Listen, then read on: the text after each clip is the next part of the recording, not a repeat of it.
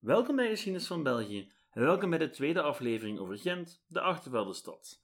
Over die Achtervelde, Jacob van Achtervelde, gaan we het vandaag hebben en ook over wat daarna precies gebeurde met Gent. Deze week komt de rebelse kant van Gent dus volop aan bod.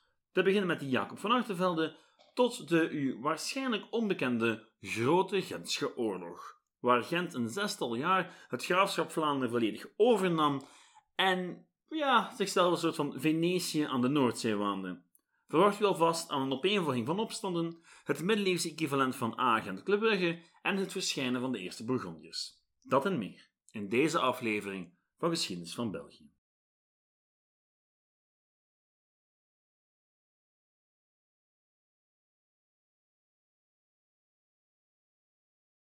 Ons verhaal eindigde vorige week met de dood van Jan Berlut, volksheld of mafiosi, afhankelijk van welk deel van zijn levensverhaal je toelichten wil. Ik spendeerde vorige week zoveel aandacht aan zijn verhaal, omdat het een heel mooi voorbeeld is van hoe chaotisch de Gentse stadspolitiek wel kon zijn. Het ene moment was hij een prominent lid van een rijke en belangrijke patriciërsfamilie, het andere een moordenaar die levenslang verbannen werd. En Jan Berlutz wisselde af en toe tussen de twee vaak gelieerd aan de gewelddadige oplossingen die hij vond voor zijn problemen. Problemen die hen ja, uiteindelijk toch fataal werden in de gedaante van de zoon van een, zijn, van, een van zijn prominentste slachtoffers. Het belangrijkste uit de aflevering van vorige week is echter niet het lot van Borlut, maar de toekenning van nieuwe uitgebreide stadsrechten aan de stad Gent. Gent was officieel een stuk zelfstandiger geworden en werd daarbovenop niet enkel meer geregeerd door patriciërs. Ook de ambachtslieden, die mee verantwoordelijk waren voor Gents rijkdom, hadden wat in de pap te brokkelen. En het gevolg was dat Gent meer dan ooit zijn economische belangen zou verdedigen. Ambachtslieden konden immers niet terugvallen op landerijen buiten de stad. Als de handel en nijverheid stilviel, ja, dan waren zij het die als eerste in het probleem zouden raken. En zij die er alles aan zouden doen om hun broodwinning te redden. Maar daarover straks meer. Eerst moet ik wat inhalen. Concreet wat er gedaan werd met al die rijkdom die vanaf de 11e eeuw binnencijpelde in Gent. Kort samengevat, daar werd mee gebouwd. Veel mee gebouwd. Net zoals in de andere welvarende middeleeuwse steden van die tijd was architectuur de ideale manier om aan te tonen hoe rijk en machtig men wel geworden was. Kort samengevat, iedereen wou de grootste hebben. De grootste toren, om precies te zijn. In de lage landen concurreerden tijdens de middeleeuwen zowat elke plek met wat zelfrespect en geld op overschot over wie de grootste torens kon laten optrekken. Als we het over torens hebben, gaat het natuurlijk vaak over kerktorens, maar in dit geval en in onze streken evengoed over belforten. En geloof het of niet, maar belforten, ja, dat zijn bouwwerken die heel typisch zijn voor onze streek. Concreet de zuidelijke Nederlanden en Noord-Frankrijk. Wat eigenlijk ook maar logisch is. Want op de Noord-Italiaanse steden zoals Firenze en Venetië na was er geen enkele plek in Europa waar de steden zoveel macht en zoveel rijkdom naar zich toe hadden weten te trekken. Al kwam die macht wel in grote mate voort uit die rijkdom. Rijkdom die gebruikt werd om stadsrechten af te kopen en de rechten op bijvoorbeeld eigen verdedigingswerken. En dat was zo'n Belfort ook. Een verdedigingswerk. Wel, initieel in elk geval. Vaak functioneerden ze in het begin als een uitkijktoren en versterkte burcht in geval van een aanval. Wat niet onverstandig klinkt, en zeker die eerste Belforten hadden veel weg van uit de kluiten gewassen kasteeltorens. Maar ja, in de casus Gent kan je je wel vragen stellen bij het nut van het Gentse Belfort, als zich nog geen kilometer verder het Gave Steen bevond. Maar dat was net het probleem. Het Gravensteen was het gravenkasteel, het kasteel van de graaf. En de Gentenaars die wouden een eigen vestiging, een eigen symbool van hun macht. En dat werd het Belfort. Niet toevallig gebouwd in de 14e eeuw, vlak na de toekenning van de nieuwe stadsrechten. Stadsrechten die bewaard zouden worden in dat Belfort. Nu, ja, Gent toonde zich dan wel eensgezind in zijn architectuur, in werkelijkheid bleef de stad vaak verdeeld. Het plebs had dan wel gezamenlijk politieke rechten geëist, maar zover was, wel. konkelden zij evengoed tegen elkaar als tegen de patriciërs. En natuurlijk moeiden graaf en koning zich ook met de regelmaat van een klok. Het ambachtsschil dat in die periode het meeste ophef veroorzaakte, was dat van de wevers. Wevers die heel belangrijk waren voor de Gentse economie, want zij maakten, na een heleboel andere processen, van wol laken. Nu, door hun macht, ja, bekokstoven zij ook allerlei plannetjes en streden zij met andere gelden, specifiek de Volders, om de politieke heerschappij in Gent. Iets waardoor zij op een bepaald moment politiek buitenspel gezet zouden worden door de graaf van Vlaanderen. Nu, uiteindelijk zou dat allemaal weer boven komen borrelen onder een zekere Jacob van Artevelde. Nu, van die Jacob van Artevelde hebt u waarschijnlijk al gehoord. U kan bijvoorbeeld tot de dag van vandaag zijn standbeeld bewonderen op de Vrijdagsmarkt. En hij is de reden dat Gent af en toe de Artevelde-stad genoemd wordt. Of waarom er zoiets bestaat als een Artevelde Hogeschool in Gent. Wat me brengt tot volgende vraag. Wie is die Artevelde? Wel, Jacob van Artevelde werd geboren rond 1290 en was de telg van een familie van grondbezitters en makelaars. Een patriciërs dus al zou hij geen voorvechter worden van zijn eigen klasse. Wel van die ambachtslieden. En hoewel die ambachtslieden dan wel vertegenwoordigd werden in het schepencollege, bleef er heel wat ontevredenheid bestaan. Het politieke evenwicht in Gent was immers fragiel en er moest maar weinig gebeuren om het hele boeltje te doen wankelen. Maar wat Achtervelde anders maakt, is dat hij niet alleen een figuur in de Gentse politiek was, maar ook heel Vlaanderen zou gaan besturen op een bepaald moment. En dat heeft veel te maken met hoe Gent in elkaar stak toen, maar ook hoe dat graafschap Vlaanderen een nogal labiel beestje was. En waar iemand met goede connecties en een goed idee heel ver kon raken. Wel, in 1337 stortte het hele politieke kaartenhuisje in Vlaanderen en Gent in. En dat heeft alles te maken met de Honderdjarige Oorlog. U weet wel. Die oorlog tussen Frankrijk en Engeland, die maar bleef aanslepen. En waarom die twee landen generatie na generatie in een schier oneindige oorlog zouden dompelen? Wel, uh, het is ingewikkeld. Kort samengevat ging het ongeveer als volgt. Toen Karel IV van Frankrijk overleed in 1328, was er geen directe mannelijke opvolger. Wel een neef genaamd Edward.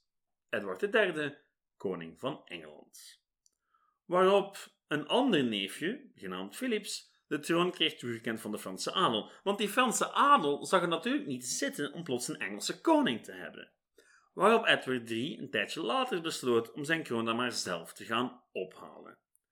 Al was dat hele koningschap natuurlijk van een aanleiding. Want Frankrijk en Engeland, ja, dat grote conflict zat er al een tijd aan te komen. Nu, dit is absoluut een excursus, maar wel een noodzakelijke, want dat had politieke gevolgen voor Gent en voor heel Vlaanderen. Waarom Gent? Wel, Gent was rijk geworden dankzij de handel en de productie van laken. Laken dat gemaakt werd uit wol. Wol die oorspronkelijk van de vele schapen van de abdijen kwamen, maar naarmate de vraag toenam, moest men hele goede kwalitatieve wol importeren uit, jawel, Engeland. En toen Edward III in 1336 besloot om de export stil te leggen, begon het in Gent te rommelen. En niet alleen in Gent, ook in andere steden waar men laken produceerde. Denk aan Brussel, denk aan Doornik, maar ook Yper, Brugge, Kortrijk. Al die steden voelden de impact van dat exportverbod. In Gent werd er in 1337 een grote volksvergadering bijeengeroepen. En toen een zekere Jacob van Artevelde daar het woord nam, wist hij zoveel mensen daar te overtuigen dat hij op slag de leiding van de stad op zich kon nemen. Hij stelde een systeem van vijf hoofdmannen samen, met zichzelf als opperhoofdman, en ontpopte zich in de jaren die volgen als een soort van ja, dictator bijna. Een van de manieren waarop hij die positie verkreeg, was de wevers opnieuw toegang geven tot het bestuur. En die wevers die zouden hem tijdens die eerste jaren steunen. Nu, dat alles leidt tot protest bij de graaf van Vlaanderen, Lodewijk van Nevers. Maar van dat protest trok Van Achtervelde zich helemaal niks aan. Hij had namelijk een plan bedacht waar hij koning en graaf simpelweg buiten spel kon zetten. Nu, als ik het over koning heb, heb ik het over de Franse koning. Want met die Engelsen, tja, daar had hij wel plannen mee op termijn. Van Artevelde bekokstoofde een akkoord met de Engelse en de Franse koning. En hij zorgde ervoor dat de andere Vlaamse steden, Brugge en Yper, daarin meegingen met hem. En hij kreeg Frankrijk en Engeland zo ver dat ze de neutraliteit van Vlaanderen erkenden. Wat ervoor zorgde dat de zo noodzakelijke Engelse wol opnieuw het kanaal kon overkomen. Dat allemaal in 1338. In 1339 deed hij er nog een schepje bovenop en sloot hij handels- en militaire verdragen af met Brabant en Henegouwen. En voor het eerst sinds lang weigerden de zuidelijke Nederlanden om meegesleept te worden in de oorlogen van de grootmachten. En dat lijkt een kleintje, maar het is groot. Zeker als je kijkt hoe voor Van Artevelde en na Van Artevelde de zuidelijke Nederlanden steeds opnieuw tegen wil en dank werden meegesleept. En Van Artevelde zei heel duidelijk: nee, wij willen neutraal zijn. Wij willen kunnen handel drijven. Wij willen Zwitserland zijn. Laat de rest maar vechten rondom ons. En laat ons alsjeblieft onze goederen verkopen. Nu, de vraag is natuurlijk wat de graaf daarvan dacht. Wel, die graaf die nam de benen. Nam de benen naar Parijs en Van Artevelde werd zo dus de facto de leider van het graafschap. En het lijkt erop dat hij dat vooral deed door zowel in Gent als in de rest van Vlaanderen het volk te geven wat het wou, zijnde werk en vrede. En zolang hij die twee zaken kon voorzien, was zijn politieke toekomst gewaarborgd. Net als de toekomst van Vlaanderen trouwens. Opnieuw, Zwitserland boerde niet slecht tijdens de Tweede Wereldoorlog. Maar Artevelde vertrouwde de Franse koning voor geen haar. En dus zocht hij garanties. Garanties om zijn eigen positie en die van Gent te vrijwaren. En die kreeg hij van Edward III. En Edward die overtuigde Artevelde om alles op Engeland te zetten. En na de spanningen van de voorgaande 150 jaar tussen de graaf van Vlaanderen, Gent en de Franse koning, bedacht Artevelde dat er voor Gent, ja, misschien een beter pad was. Dat hij misschien voor eens en altijd moest afrekenen met de Franse koning. En dus haalde hij Edward III naar Gent, om hem tot koning te kronen van Frankrijk. Nogal een statement van een leider van een stad die technisch gezien al een koning had. Edward III werd op de Vrijdagsmarkt tot koning gekroond. Niet toevallig dezelfde plek waar vandaag Artevelde standbeeld staat. Een standbeeld dat wijst in de richting van... Engeland. Edward III benoemde niet veel later Artevelde tot ruwaard van Vlaanderen, oftewel regent, bij afwezigheid van de vorst. En die vorst was Edward III. En ik zeg dat nu op een normaal toontje, maar eigenlijk was dat ongelooflijk. Het feit dat in onze streken een zoon van een koopman kon heersen over een graafschap, dat was ongezien. Al zou het natuurlijk niet blijven duren.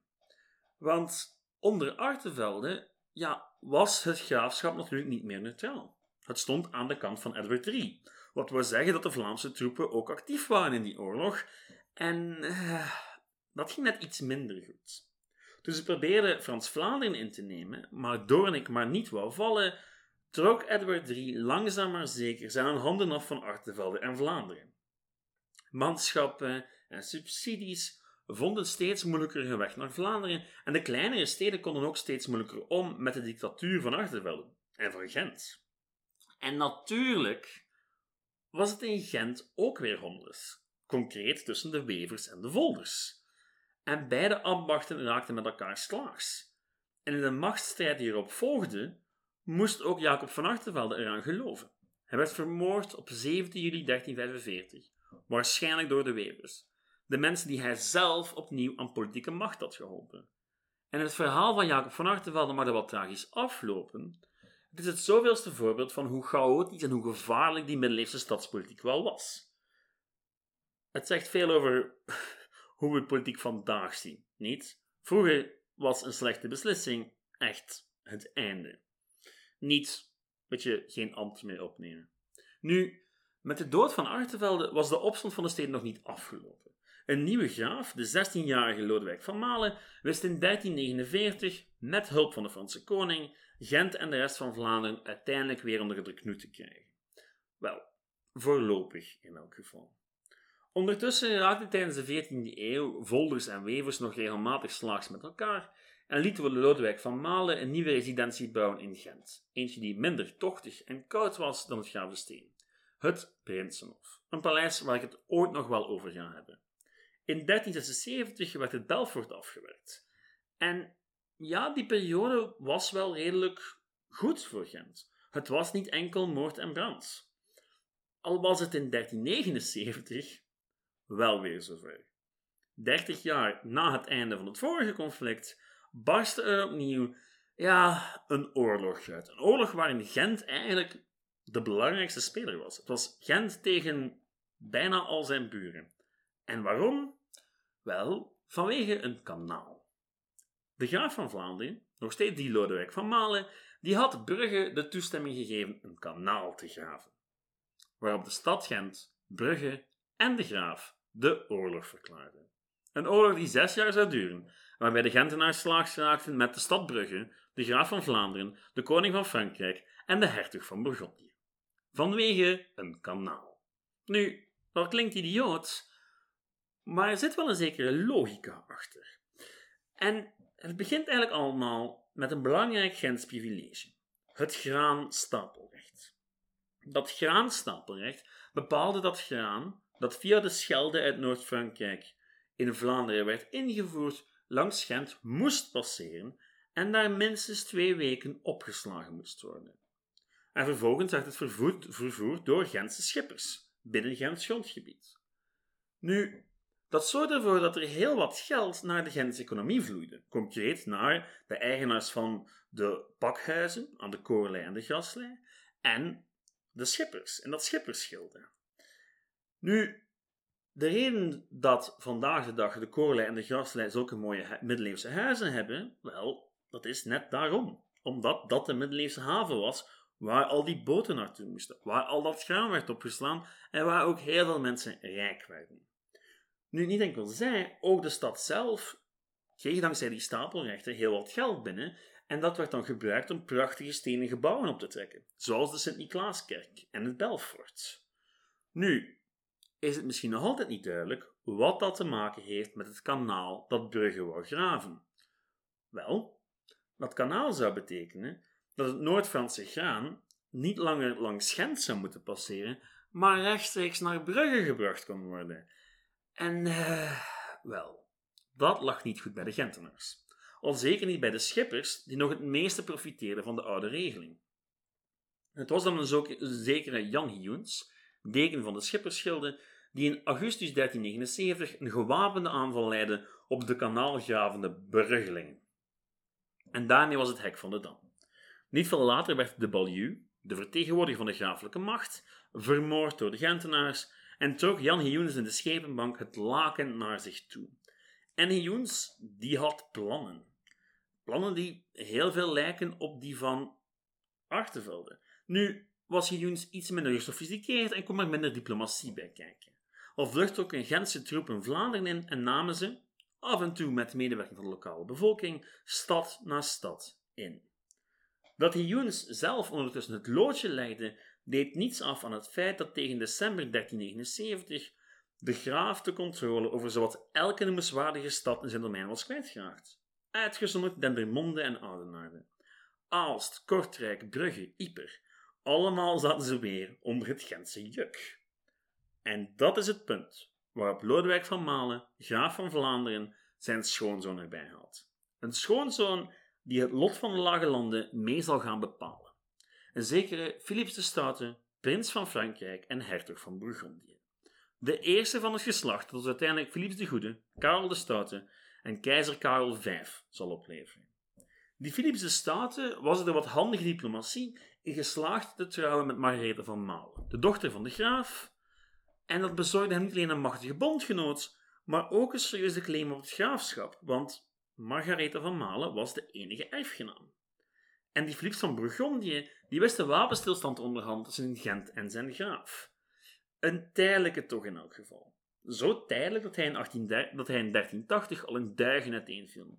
Gent nam Oudenaarde in en waande zich eventjes, heel eventjes, een Italiaanse stadstaat. Onafhankelijk van vorst, onafhankelijk van kerk, vrij om zichzelf te besturen. En om de rest van de omgeving aan zich te onderwerpen natuurlijk. En dat was een attitude waar de vorsten in de streek niets van moesten weten. Inclusief de graaf van Holland, de hertog van Brabant, de hertog van Bourgondië, de graaf van Henegouwen en de Franse koning. En bovendien hadden ze in Brugge, Yper en Kortrijk ondertussen ook vraagtekens gesteld bij de Gentse almacht. En al vlug stond die stad helemaal alleen tegen al haar vijanden. En toch hield ze stand. In 1380 en 1381 werd Gent belegerd en tot tweemaal toe moest Lodewijk van Malen het beleg opgeven. Al kon het natuurlijk niet blijven duren. Zonder bondgenoten werden de bevoorradingslijnen naar de stad afgesloten en in 1381 was het al duidelijk dat de stad vroeg of laat zou vallen. Het werd laat, want er verscheen een zekere Van Artevelde op het toneel. Niet Jacob, maar Philips zijn zoon. Die werd vanaf 1382 gruwaard en regeerde over de stad als een waar dictator, maar bleek wel een goed veldheer te zijn. In de poging de omstelling van de stad en haar gebieden te doorbreken, trok hij in mei 1382 op naar Brugge, waar hij afrekende met het graaflijke leger van Lodewijk van Malen en de Bruggelingen. Brugge werd zelfs geplunderd door de Gentenaars. Nu ben ik zelf natuurlijk Gentenaar en wel een redelijk harde agent van, maar uh, zelfs voor mij gaat dat net iets te ver. Nu, plots leek het tijd weer te gaan keren. Want ja, die Gentenaars hadden getoond dat het kon. Dat je als Noord-Europese stad echt wel in opstand kon komen en impact kon hebben. En plots begonnen in andere steden in Europa ook opstanden uit te breken. In Leuven, in Parijs. Dat waren opstanden die moesten onderdrukt worden. Nu, dat zorgde er ook voor dat de vorsten dit niet langer konden laten gebeuren en daarmee was het doodsvonnis van het opstandige Gent gemaakt. Franse troepen rukten op richting Gent en op 27 november werd Philips van Artevelde verslagen in de slag bij West-Rozebeke. Wat de Gentse ambities een flinke knauw gaf, maar de Gentenaars gingen gewoon door met een opstand. Het zou nog drie jaar duren vooraleer Franse, Burgondische en Vlaamse troepen eindelijk een einde zouden kunnen maken aan de Gentse overheersing van het graafschap Vlaanderen. Wat veel zegt over de koppigheid van die Gentenaars en hoe zwaar die gehecht waren aan hun onafhankelijkheid. Nu, daarmee sluit ik deze aflevering af. Niet omdat het hele verhaal van het opstandige Gent verteld is, verre van, maar ik heb deze aflevering ja, toch al enkele mooie voorbeelden kunnen meegeven over waarom Gent zo vaak in opstand kwam. Die onwil om centraal gezag te aanvaarden zou als in de loop der eeuwen volledig uitgeroeid worden. Al heeft Gent tot op de dag van vandaag nog altijd koppigs en weerbarstigs, waar de stad vooral haar eigen ding wil doen, wars van wat de ene of de andere centrale overheid over te zeggen heeft. Het is een fascinerende stad. Maar dit was de laatste aflevering over Gent. Voorlopig toch. Omdat ik besef dat als ik doorga, ja, ik dit misschien blijf doen tot september. En daar zit de meerderheid van u waarschijnlijk niet op te wachten.